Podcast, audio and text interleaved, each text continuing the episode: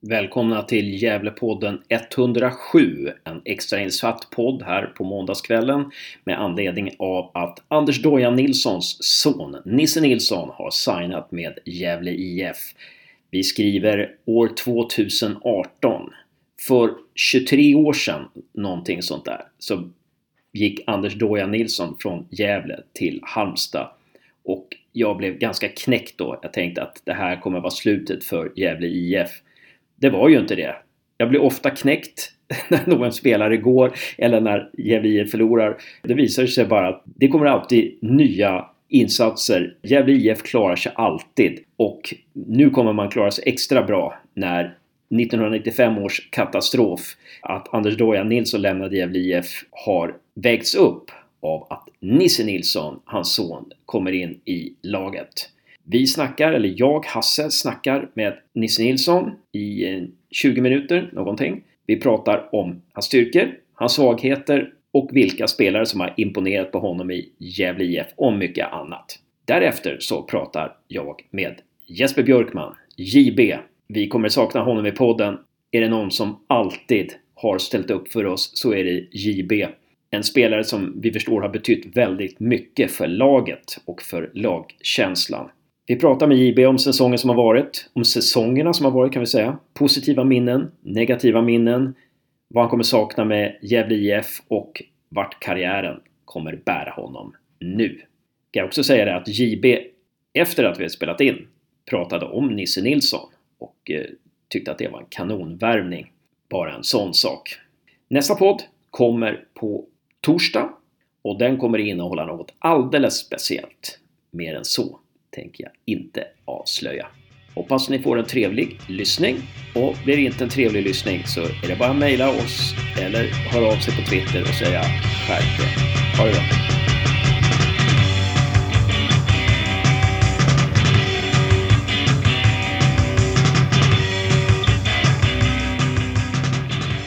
Välkommen till Gävlepodden 107 säger jag till Nisse Nilsson. Stort tack, stort tack. Och välkommen till Gävle IF. Ja, men tack så mycket. Tack, tack. Och du, du kommer ju tillbaka till Gävle IF, eller hur? För att du är ju fostrad i klubben. Visst stämmer det va? Precis, jag började spela när jag var fyra och eh, ända upp till U19 och U21-laget.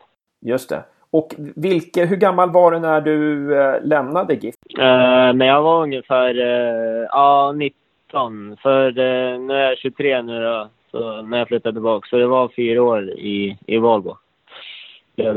Just det. Och vilket nummer kommer du ha på tröjan? Vet du det eller? Det är inte bestämt än. Nej, um, det är inte bestämt. Är det, är det något nummer som du skulle önska? Klart att man har sneglat lite mot uh, farsans gamla nummer som är nummer 11. Men uh, vi får se lite hur det utspelar sig här framöver med truppen och så. Ja, men så, det, det är ju kul där att du, du nämner uh, pappa Anders där. Hur mycket betyder det att uh, han har spelat i GIF?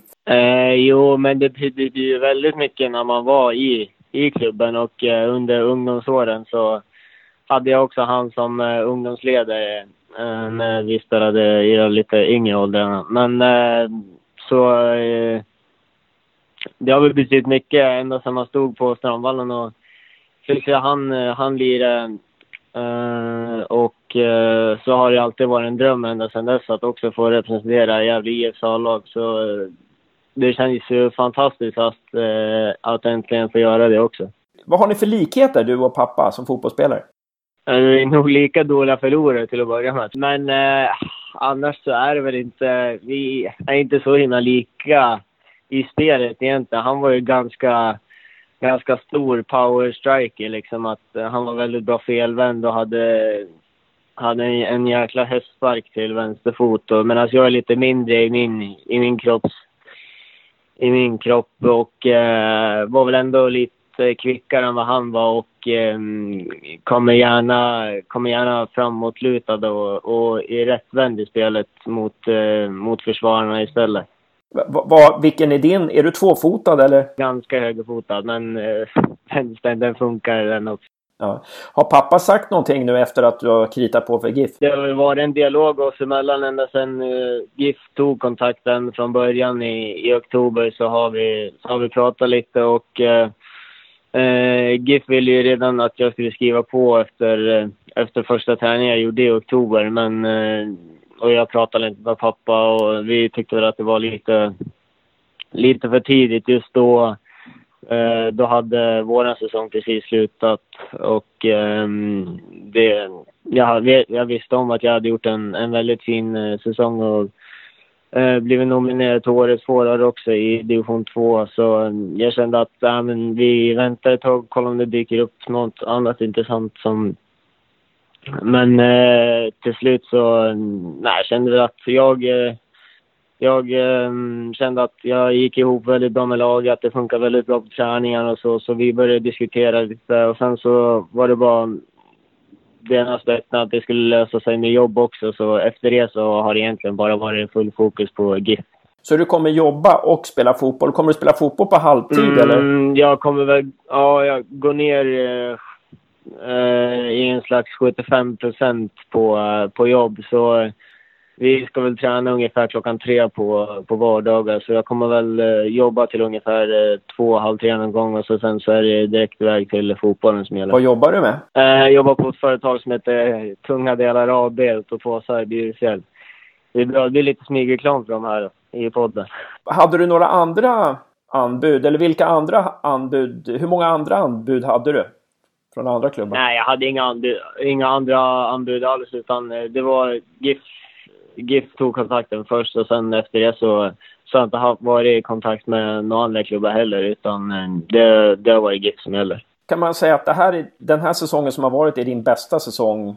Ja, det får man nog säga. Jag har ju, eh, jag kom ju, jag lämnade GIF som yttermittfältare gjorde jag och eh, eh, sen när jag väl fick börja spela i Valbo så var det högerback som gällde först de två första åren och sen så fick jag ta klivet upp som eh, yttermittfältare tredje året och så har det blivit eh, som anfallare nu fjärde året och du kände väl att eh, i GIF då, då spelar jag mest som yttermittfältare och forward. Det är väl där jag hör hemma också i, i det offensiva spelet. Men det var väldigt lärorikt de första två säsongerna att få spela högerback och hamna i mycket dueller och få försvara. Det var, det var väldigt eh, det gjorde mig mer mogen som spelare för jag var ganska valpig när jag lämnade GIF. Det var liksom, jag hade inte riktigt det här närkamps och fysiska spelet. Så um, jag blev en mer komplett fotbollsspelare sen jag lämnade Gävle IF från början. Det är intressant att du tar upp det där, för det var ju någonting som jag hade, jag hade kollat upp faktiskt. Eh, att, att du kom som yttermittfältare till Valbo och sen blev du back och, och, och, och slutligen mm. forward. Det, det, är otroligt, det är, det är otroligt liksom att du har spelat på ja, du har spelat i alla tre linjer utom som, utom som målvakt. Vill du utveckla det, var, varför du tror att det blivit så? Uh, nej, men det är alltså...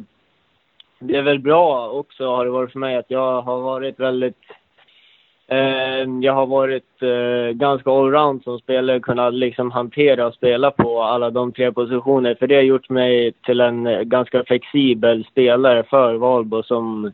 Och det har varit bra för mig också, för då har jag ändå hur starten har sett ut så har jag fått, uh, fått spela mina matcher varje säsong nästan uh, som ordinarie.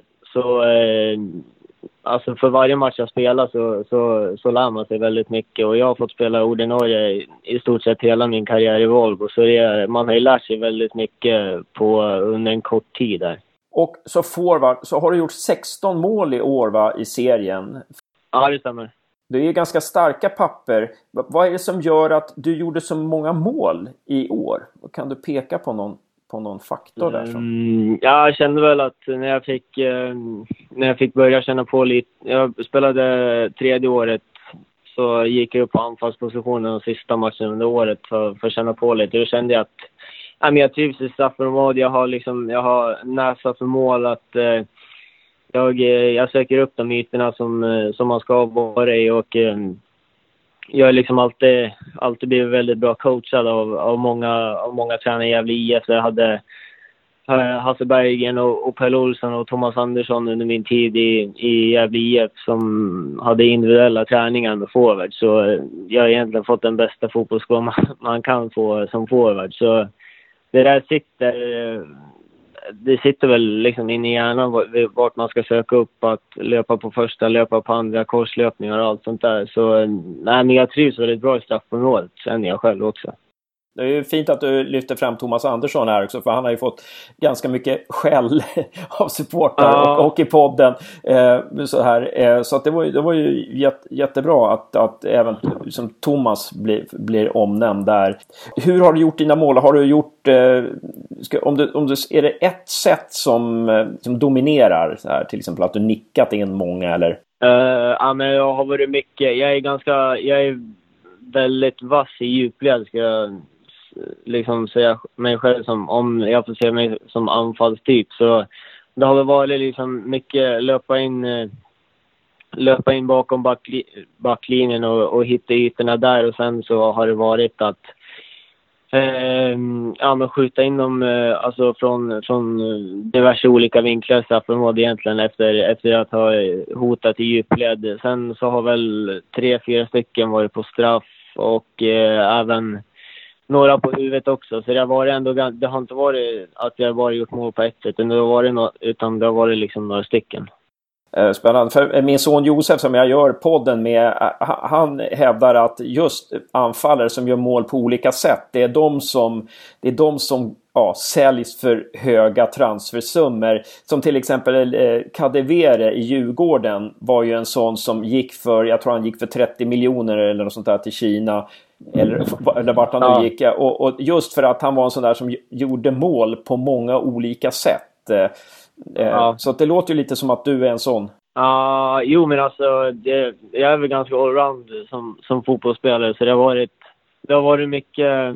Vi har ju spelat eh, lite olika med Valby nu också. Ibland har jag spelat som en, ensam forward och ibland har jag spelat eh, i ett 4-4-2 också. Så, men vi har liksom fått försvarat väldigt mycket så ibland så har man eh, fått agera mest liksom uppspelspunkt och försöka hålla fast bollen där nere så vi kan flytta upp laget och sen liksom bygga på, på där. För vi, vi mötte några otroligt bra lag i serien som, eh, som vi hade tufft mot. Okej. Okay. Vilka lag var bäst i tvåan där som ni mötte? Det var väl Vasalund var helt klart. De var, de var överlägset allt och alla. Sen så var det Karlberg som hamnade på kval. De var väldigt duktiga. Eh, Stocksund, eh, mycket Stockholmslagen som, eh, som plockar upp de här eh, talangerna som Bayern, Djurgården och BP släpper ifrån sig. De är oftast väldigt, väldigt bra. Så Vasalund får vi se upp med i norrettan? Ja, absolut, absolut. Nu vet jag inte riktigt. Eh, de har ju många, många unga från AIK som de, som de lånar in och spelar i sin division eh, i sitt division eh, 2-lag hade de. Så eh, vi får se hur deras trupp ser ut. Det är lite oklart så. Det låter ju som att eh, Gävle IF skulle också kunna vara med och hugga på ganska många av de där spelarna. Eh, kanske, men, men å andra sidan så är det inte så bra att bygga ett lag på bara en massa lån i, i och för sig. Men, men eh, vad, är det, vem har du mest haft kontakt med i Gävle IF då? Är det Mackan Bengtsson eller? Uh, ja, alltså jag har inte haft så här, under mina år i Volvo så har det knappt varit någon kontakt alls egentligen utan jag bara, ända sedan jag lämnade IVF så har jag bara borrat ner huvudet och kört och tränat väldigt mycket enskilt och eh, jag bara, det känns väldigt skönt nu att det, att det ger, eh, ger betalt i slutändan och att jag ska få, få upp och testa på en ny nivå utan det var nu i somras, då gjorde jag en träning, men det var mest för att eh, fylla ut för att Törnros hade fått eh, barn och Bergmark var sjuk tror jag, så det var mest för att fylla in. Eh, och så sen i oktober, då har det varit liksom ett konkret, konkret intresse och då har det varit därför att jag, eh, jag skulle vara en potentiell värvning. Och hur tyckte du att det gick på den träningen? Eh, eller om vi säger så här, hur var GIFs träning jämfört med Valbos träning? Eh, ja, det var, det var eh, skillnad på... Det var en otrolig skillnad på tempo. Det var nästan så att deras, deras uppvärmning var, var jobbigare än våra, våra vanliga trä, träningar. Så det var eh, efter, jag tror efter första veckan träning med GIF så hade jag gått ner två kilo nästan. Det var otrolig, otrolig temposkillnad var det. Men eh, samtidigt väldigt roligt och lärorikt och jag kände att jag kom in i det snabbt och och eh, första träningen gick bra så då kunde man släppa ner axlarna och, och vara lite mer avslappnad och efter det så har det, så har det flyttat på bra liksom. Om du jämför Gävles spelsätt då jämfört med Valbo. Hur, hur, hur mm. spelar GIF? Eh... Nej, det är lite annorlunda. Det, det har väl varit mycket... Det har varit lite fram och tillbaka under säsongen med formationer i, i GIF, vad jag tyckte i alla fall. Men nu har det väl ändå satt sig att det är en, en typ av 4-5-1 eh, Eh, uppställning och i Volvo så har vi spelat eh, vi började spela med 4-4-2, sen har, har vi gått ner på 5-4-1 och eh, 5-3-2. Så det har varit, vi har spelat med wingbacks har vi gjort. Och då har vi GIF i någon form gjort också. Så det är väl ganska liknande. Bara det att eh, nu är väl jag... När jag pratar med Marcus så ska jag eh, utgå från kanterna och inte som ensam forward. Har han förklarat för mig. Intressant. Vilka spelare i GIF har imponerat mest på dig under träningarna? Uh, ja, det första det var uh, Lanto helt klart. Jag tyckte han, han är fortfarande i en klass för sig. Man ser otrolig skillnad där. Han, uh, det går inte att få tag i han, han vet vad han ska göra med bollen så fort, så fort han får den. Han är otroligt bra. Sen så tycker jag Adam har otrolig genombrottskraft och man känner att han är, han är riktigt vass när han kommer igen mot den situationen och avslutsläge. Uh, tycker att uh, uh, Sebbe Sandlund uh, har alltid tyckt varit otroligt bra. Han, uh, jag är förvånad att han inte har fått spela mer under säsongen men uh, jag tycker han är en väldigt fin innermittfältare och har de egenskaper man ska ha som, som han har. Mm. Ja, intressant. intressant. Um, om du jämför Gävle IF med Valbo då? Eh, som klubb? Så där, vad, mm. Skillnader, likheter? Ja, alltså först och främst så har väl eh, eh planerna skiljer sig lite grann. Det är liksom, i GIF har en otroligt fin arena med, med, eh, med gym och allting. Så det där det ser jag bara på positivt som att jag kommer kunna få träna och nyttja när jag vill i stort sett. Och i Valbo så var det väl eh, lite, lite knackigare gräsmatta men eh, ofta liksom spelbar. Men det var ju, jag tror det var väldigt svårt för motståndare att komma dit för de hanterade det inte lika bra. Eh, så vi gjorde så där så man alltid att man hade en liten fördel liksom. Sen så, klart att ekonomin skiljer sig liksom. När vi spelade i division 2 Norrland så mötte vi ofta liksom lag som hade, som hade värvat in massa, massa duktiga fotbollsspelare och liksom hade betalda spelare. Det ser man. Det skiljer sig eh, från division 2 och division 1. Där finns det väldigt mycket, mycket bra spelare liksom. Man kan snacka taktik hur mycket som helst men har man inte de bästa spelarna så ja, ett lag som har, har bättre spelare vinner oftast mot ett lag som har sämre spelare.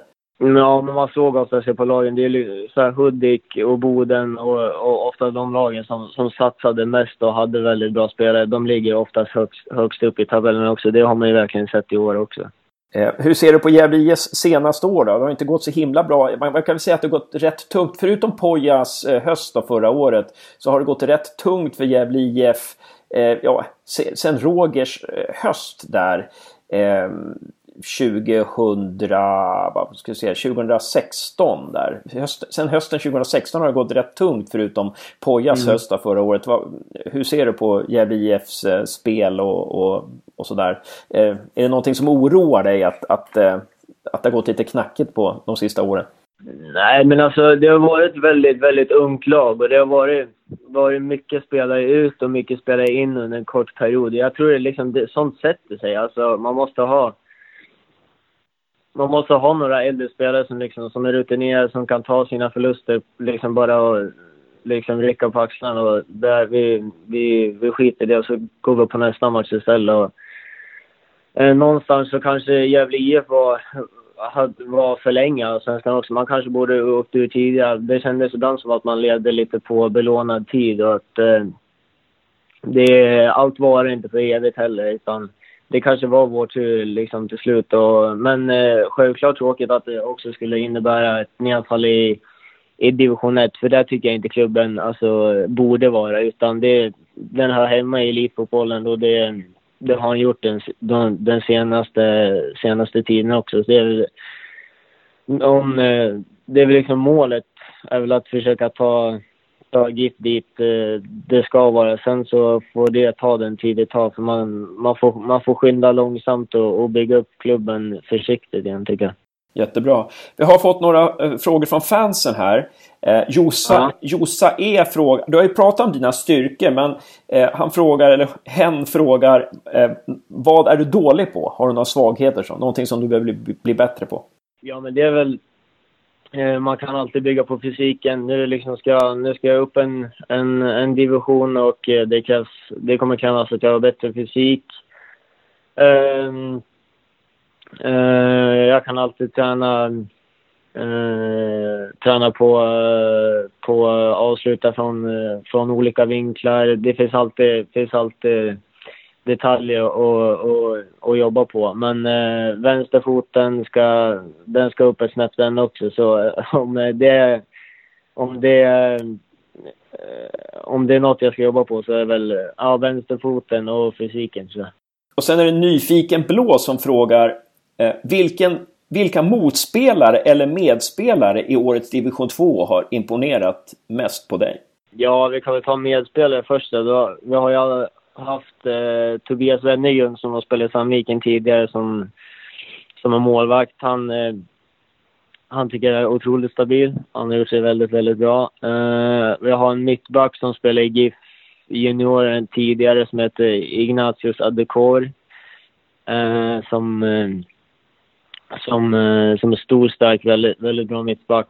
Eh, och eh, sen så um, har eh, vår vice kapten Fredrik tycker jag alltid är stabil. Han har varit riktigt, riktigt bra. Um, motspelare har väl varit, ja, men de är, är liksom i Vasalund som, där ser man de, de har inte hemma i division 2 alls. utan de kommer med Eh, med, liksom, med, med AIK juniorer som, som rör sig otroligt bra. De spelar, spelar fin, fin fotboll. Och, eh, de har Kenny Pavey, båda matcherna på oss gamla gamla AIK-legender. Så eh, nej, men det var väl de som, de som imponerade mest på mig. Det var väl eh, eh Kenny Pavey och sen han som eh, vann skytteligan från Vasalund. Han var riktigt, riktigt vass.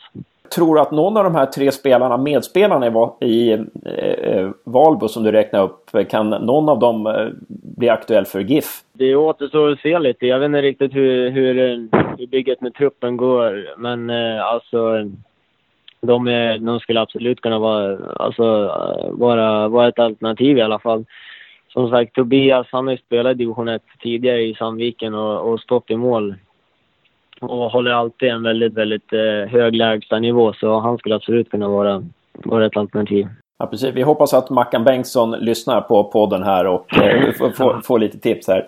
Eh, men, och så kom det en, en fråga också. Är du en boxspelare eller är du gärna delaktig i spelets sista tredjedelen? Nej, jag är gärna delaktig i, i, i spelet. Alltså det, det har ju gått från när jag var ytter så så var det mycket, så var jag mer delaktig i spelet eftersom jag var mittfältare. Nu har det, nu har det varit lite mindre när jag, när jag varit forward. Fått, fått, eh, då har jag försökt koncentrera mig bara på att vara inne i boxen och ta, ta vara på de lägena som jag fått liksom. Men eh, ja, jag är gärna med och bygger upp spelet eh, från en mittfältsposition. Ja, jättegärna.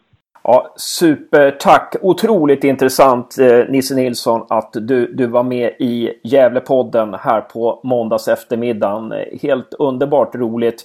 Det, det ska bli kul att se dig eh, in action då när, när eh, ni drar igång med, med träningsmatchandet i januari. Och så får du hälsa till pappa Anders där att jag blev otroligt deprimerad när han gick till Halmstad. Jag tror det var 96 eller något sånt där. Jag tänkte så här att jag ska, slu jag ska sluta vara intresserad av fotboll. För nu, nu kommer Gävle IF bara dö.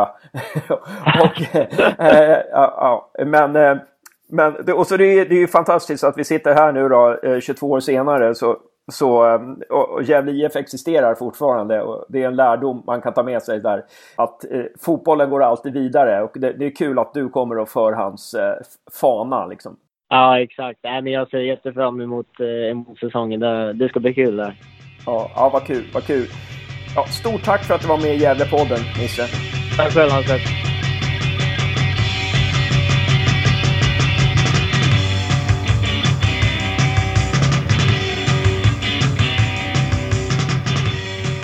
Välkommen till Gävlepodden 107.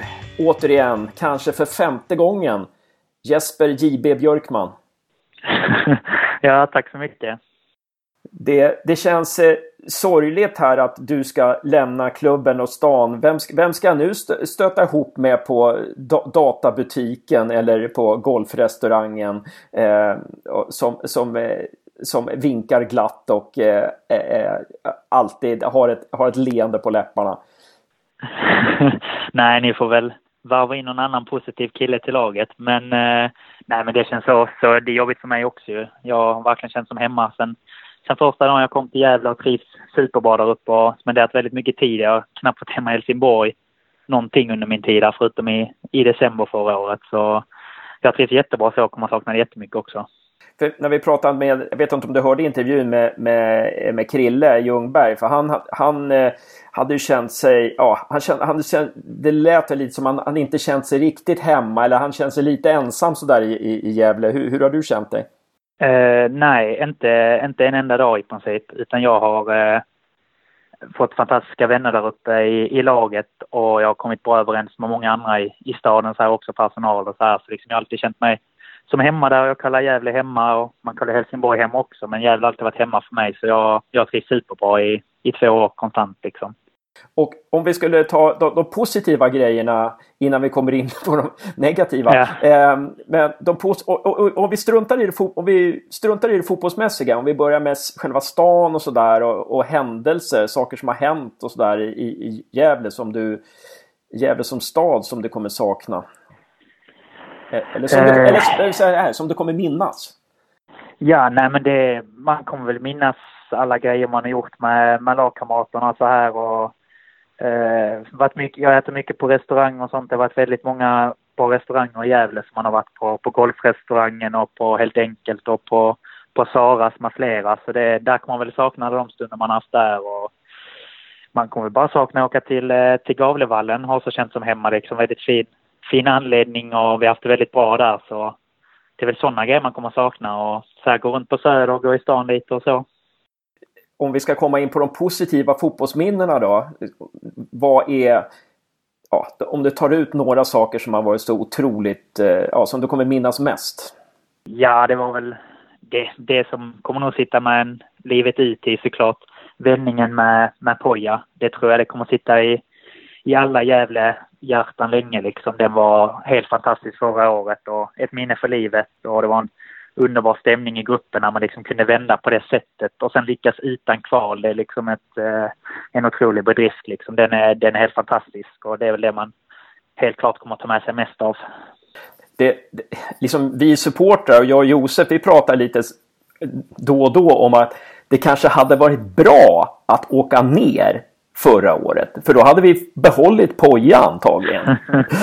är det en tanke som har slagit dig också? Nej, faktiskt inte. Men nu när du säger det så skulle vi ha varit uppe till år igen i så fall. Men eh, nej, just då så kändes det väldigt rätt och det var ju, det kom ju väldigt plötsligt med att Poja skulle lämna så här och det var inget som någon var förberedd på, inte Poja själv heller verkade det som. Så eh, nej, det var ingenting man kunde, man kunde se framför sig hända så som det blev nu. Men eh, här i efterhand så var det en intressant tanke.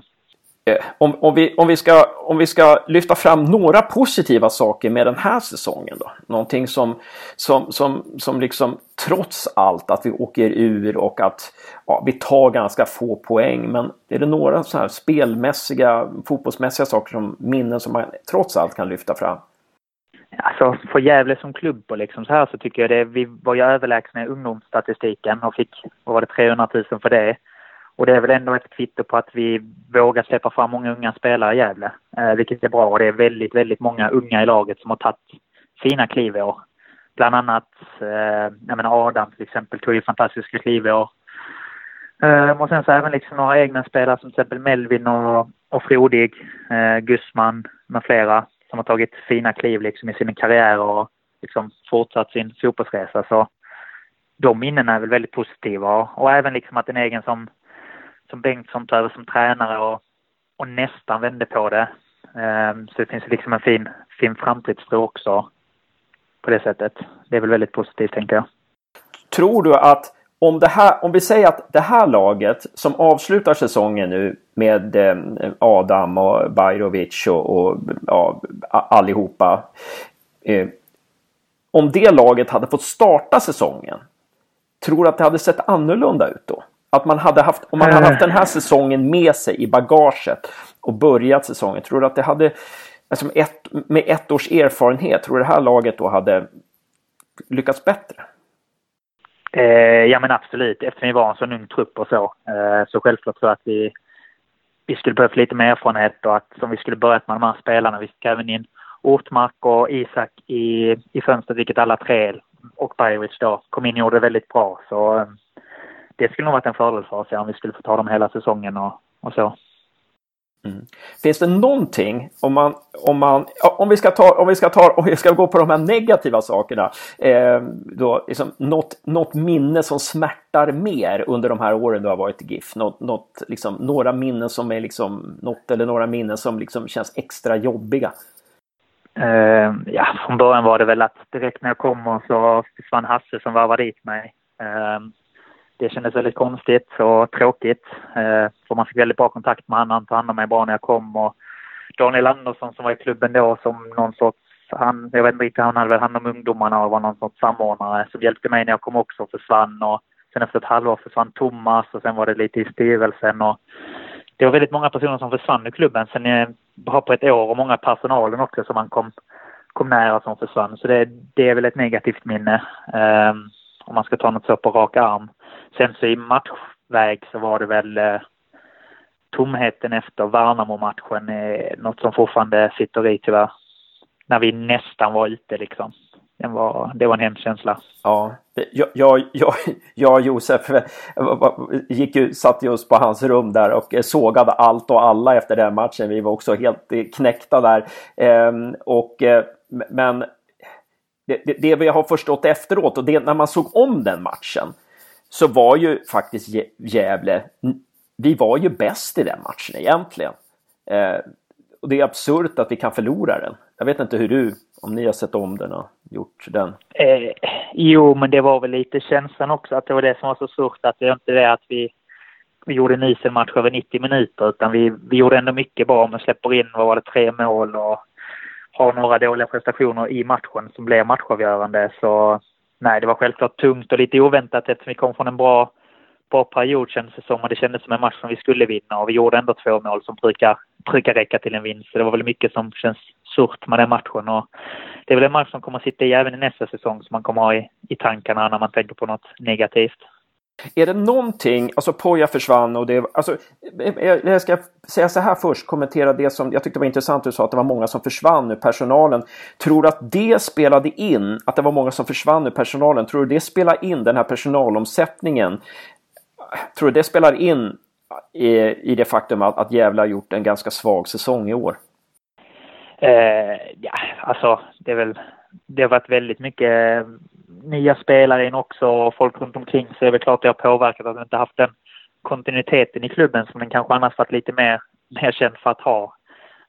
Ehm, så det är väl klart det har påverkat på ett negativt sätt men eh, ibland kan man inte undvika det heller. Det är kanske många grejer som var tvungna att göra både på grund av ekonomi och det ena och det andra. Och då blev det tyvärr så.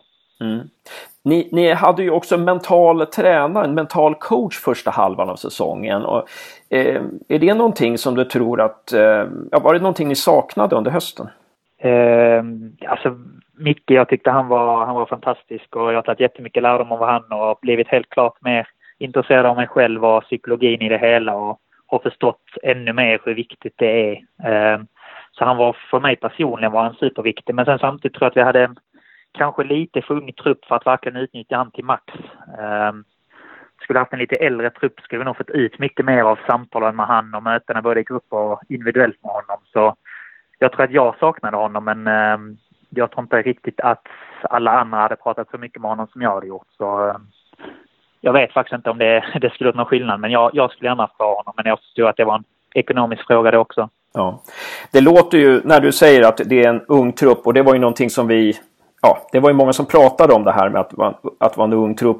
Tror du att det, att, att det hade gjort stor skillnad om Gävle IF hade eh, ja, värvat in några lite eh, äldre spelare så att vi hade fått lite mer rutin i truppen innan säsongen började? Tror du att det hade gjort skillnad på, på resultaten? Eh, ja, det beror väl helt på vad det är för sorts spelare också. Det kan vara äldre spelare som inte bidrar på, på rätt sätt ändå. Men eh, det var väl lite en generationsväxling här och det fanns väl liksom Lanto kvar där från en äldre generation eller vad man kan säga. Det är många som har försvunnit de senaste säsongerna och det är inte alltid något man kan påverka utan det fanns kanske inte så många med extra jävliga att ta hem heller och att ta, ta in äldre spelare utifrån behöver inte alltid vara jättepositivt eh, om de inte har någon koppling till klubben. Så det var väl lite otur också just i det att det kanske inte fanns så många Gävlespelare att ta hem som ville spela i Superettan just i, just i år. Eh, men om man ser på Falkenberg och Helsingborg till exempel som ni kom etta och tvåa så, så har ju de betydligt äldre åldersstruktur än vad, ja, mm. Eh, betydligt äldre medel, betydligt äldre medelålder än vad Gävle IF har i alla fall. Precis, men, men, men kollar man på till exempel HF så hade de ju liksom turen nu att de kunde ta hem väldigt många som är lite äldre och det passar bra för dem, Granqvist och Holgersson och Rasmus bland annat, att det passade ju för dem att komma hem nu och de hade kanske den flyten just år att det var lagom för dem medan vi kanske inte riktigt hade de spelarna som var sugna på att komma hit just nu. Nej, det var inte annorlunda om vi hade fått hem Gärnt och Orlov och sådär. Precis, skulle de varit i noll att de ville komma hem till Gävle igen och spela där så skulle det ju varit klockrent. Men eh, det kanske kommer några år istället och då blir det ett rejält uppsving. Några andra detaljer som, de, som du tror gjorde skillnad den här säsongen. Eh, jag har ju varit tjatat om det i podden men vi tog ju faktiskt bara 11 poäng på, på, på vårsäsongen och 14 på höstsäsongen av, av, av 90 möjliga. Eh, eh, är det alltså några detaljer som när du ser i backspegeln som eh, bortsett från det här med åldern, någonting som hade kunnat göra skillnad det här året?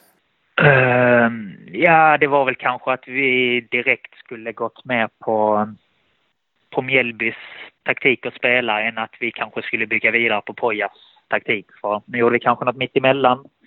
Um, och det var kanske inte riktigt exakt det fotbollen han stod för. Och då blev det kanske inte optimalt för honom heller. Uh, för det verkar som att vi, vi alla ville väl bygga vidare på Pojas taktik för den funkar så bra men alla tränar olika taktiker och om Mjällby skulle fått köra sin fullt ut. Sen vet jag inte vad han hade fått för order eller så men om det förstår jag tänker att det kanske skulle varit bättre om han bara kunde köra exakt sitt race och skita i vad som varit så tror jag att vi skulle tagit mer poäng på, på våren också. Det är intressant. Um, att, att vi, vi kanske inte hade materialet för att spela Pojas fotboll.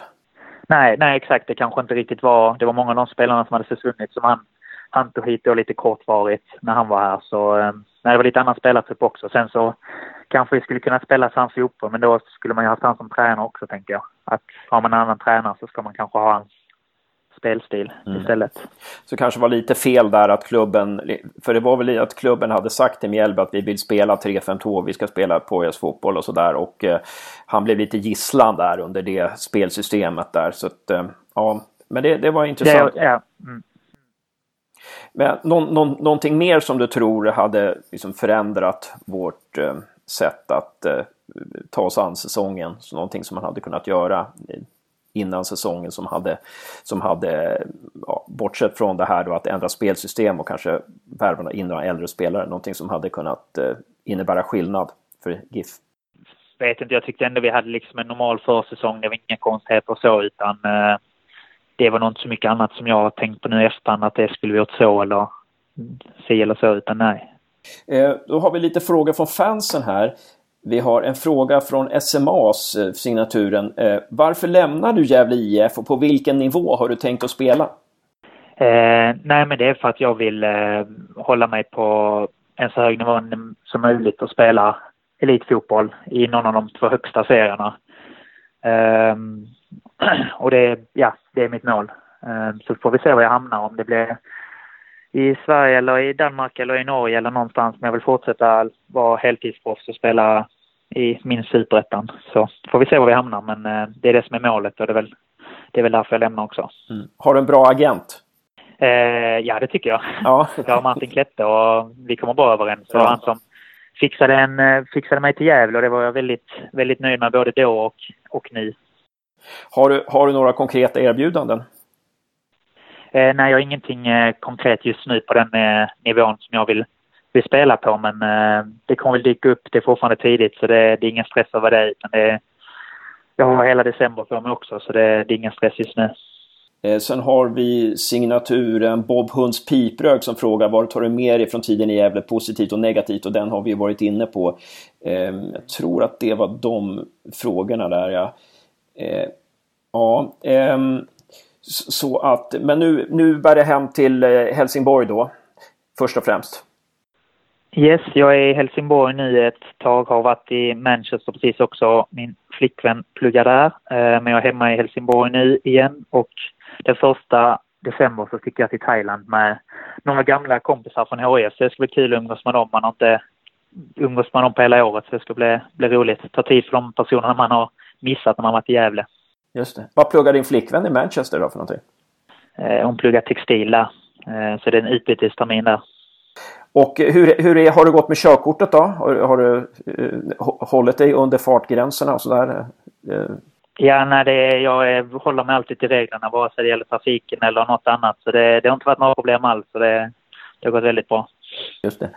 Eh, och vilka spelare kommer du att ha kontakt med, tror du mest eh, framöver? Eh, ja, det, det, är alltid, det är alltid svårt att, att säga, men de jag absolut kommit närmst är August och Hjälte som jag garanterat kommer att ha kontakt med. Och sen är jag väldigt bra kontakt med många andra som Frodig och Adam och Gusman och Louie bland annat. Och några till, nu glömmer man säkert några så det känns hemskt att nämna namn men ja, precis, precis. det, det, det, kommer vara en hel del här som jag haft en väldigt eh, fin kontakt med som man garanterat kommer höras lite via Snapchat och Messenger och allt möjligt. Ja, just det.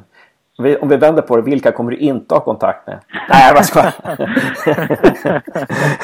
Det är mest som från podden, tänker jag. Ja, precis, de, de skiter nog i nu. Ja. Äntligen! Det, det är egentligen därför ja. du lämnar. Ja, ja när det här är sista intervjun, sen är det stopp alltså. Men eh, men hör, du, eh, du, får hälsa, du får hälsa din eh, familj också. Jag kommer inte ihåg om det var farfar eller morfar jag pratade med, men det var ju... Eh, kan ha varit farfar jag pratade med. Det var farfar, han var himla glad för det samtalet. Ja, vad kul. Nej, men det, det, är inte upp, det är inte ofta man blir uppringd av en spelares farfar som, som, eh, tyck, som, som har lyssnat på podden och säger att den är bra. Så det, det, var, det var ett sånt där minne man kommer ha med sig hela livet. Um, ja, men, men uh, helt suveränt JB och uh, lycka till framöver och uh, um, hoppas, se, se om vi kan få ringa dig om något år och se hur fotbollslivet leker. Ja, tack så mycket. Ja, men vi får, vi får höra och hålla kontakten så, så ser vi hur det har gått om ett år.